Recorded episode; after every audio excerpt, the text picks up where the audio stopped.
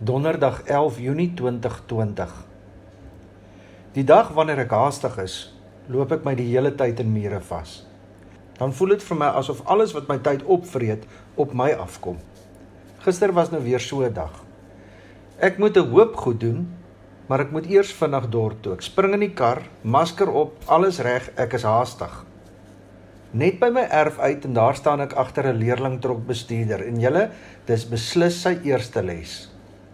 Ek kan nie verby nie want dan kom karre van voor af. Ek kan nie terug nie want daar staan nou 'n ry karre agter my. En onthou onder normale omstandighede is hier geen karre naby ons nie. Nou dat ek haastig is, gebeur dit dat ek in hierdie verkeersophoping staan.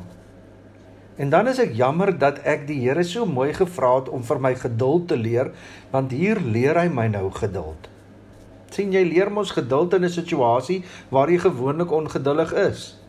En hier sit ek agter die trok en 10 sekondes voel soos 24 uur en ek kan slange vang. Uiteindelik vaar ek die winkel in.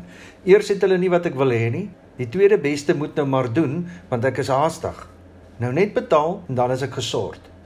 En by die teller, dit was toe juis die dag wat 'n studente teller opgelei word. Hoe is dit moontlik? Uiteindelik voor, maar die scanner wil nie die item wat ek koop optel nie. Nou gaan hulle eers die barcode na.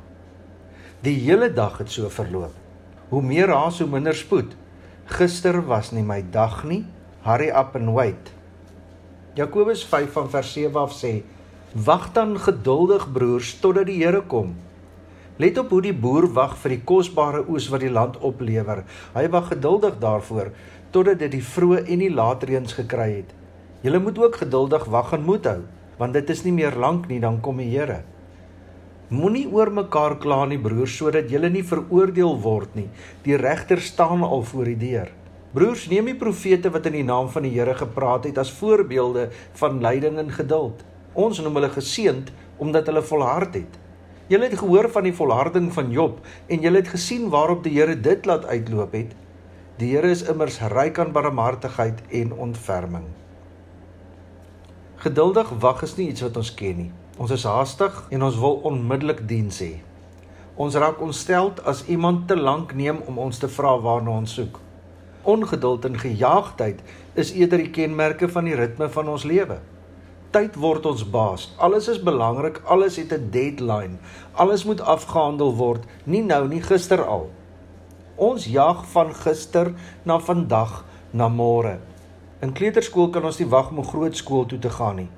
En as ek in die groot skool is, dan wens ek skool verby want ek wil my eie besluite maak. Dan wens ons ons studies verby want ek wil my eie geld gaan verdien. Dan wens ons dat ons kan klaar kry met hierdie gejaag na wind in die korporatiewe wêreld. Dan wens ons dat ons net kan aftree en ons rustige lewe kan geniet.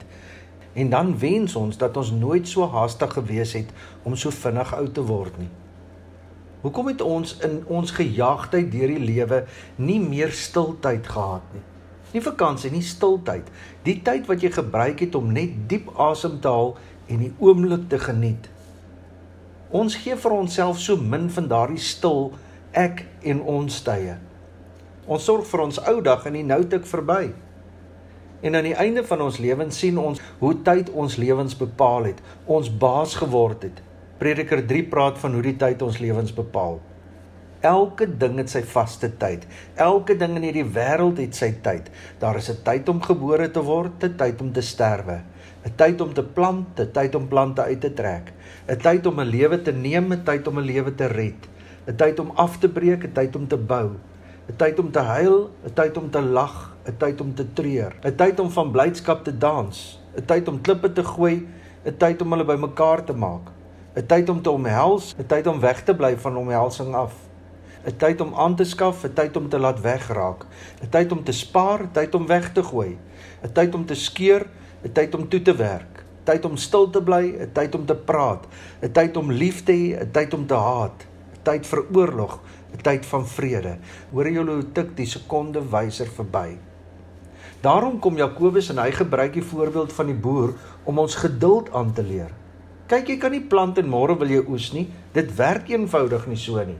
Jakobus 5 vers 7. Let op hoe die boer wag vir die kosbare oes wat die land oplewer.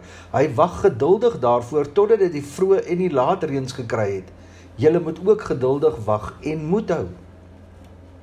Die seisoene, die ontkieming en groei van die graan kan eenvoudig nie aangejaag word nie. Die boer wag geduldig, maar dit beteken nie dat die boer onaktief vir die vroeë en die laat reëns wag nie, allermins.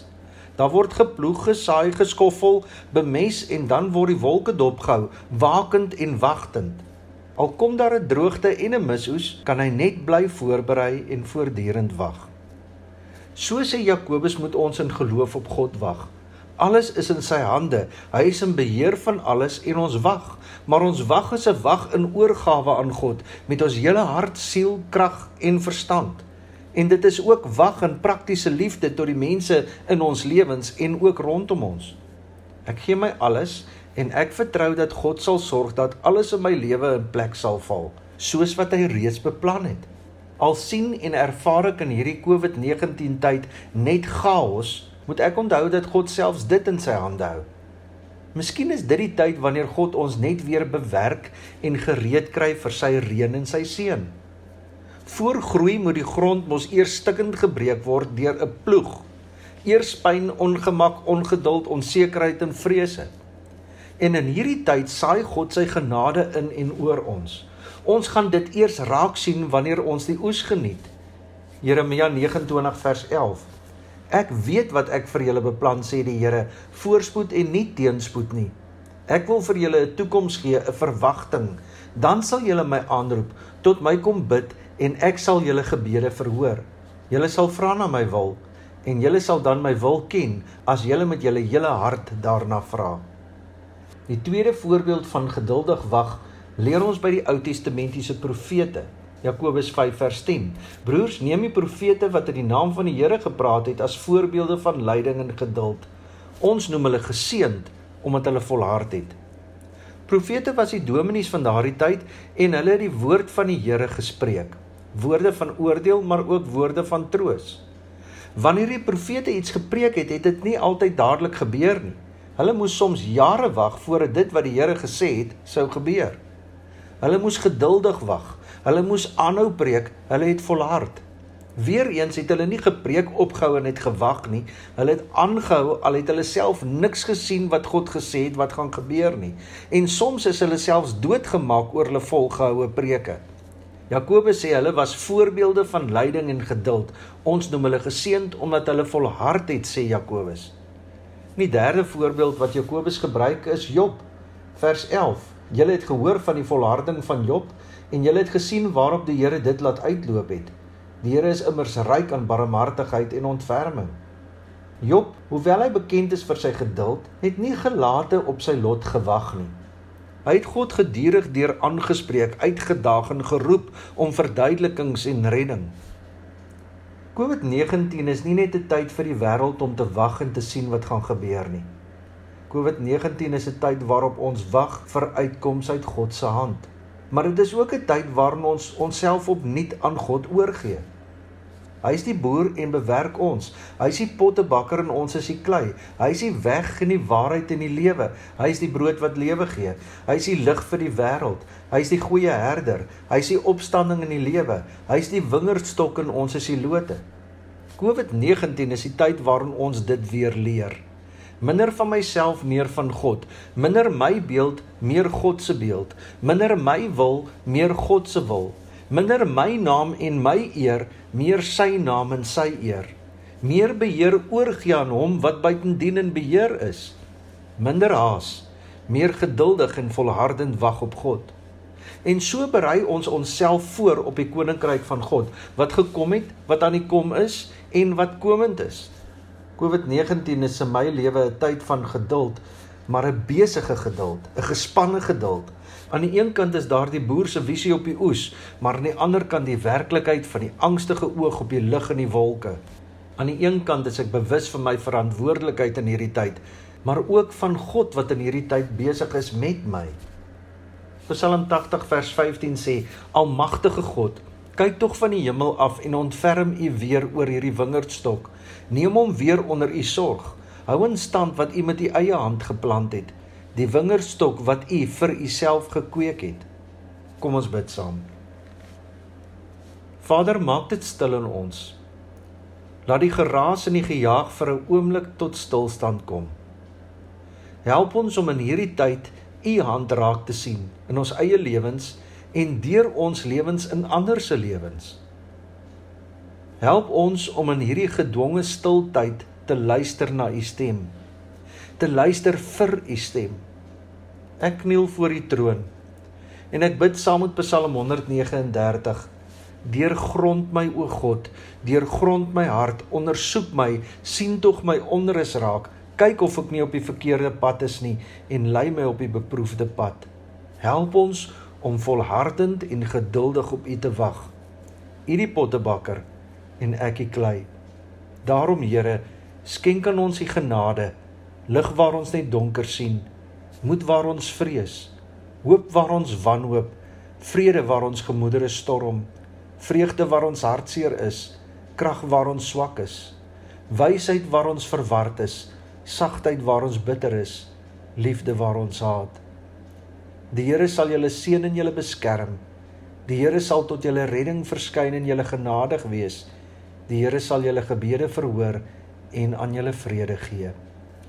Doen slegs U wil,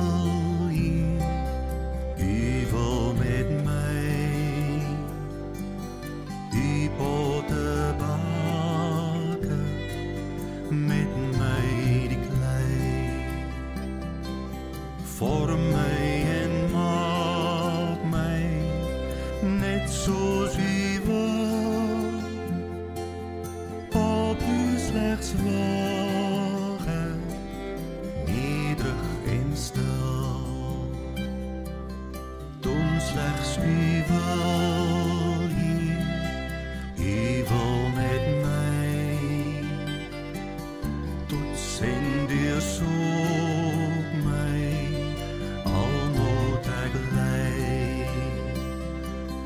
wetter hier was my vandaag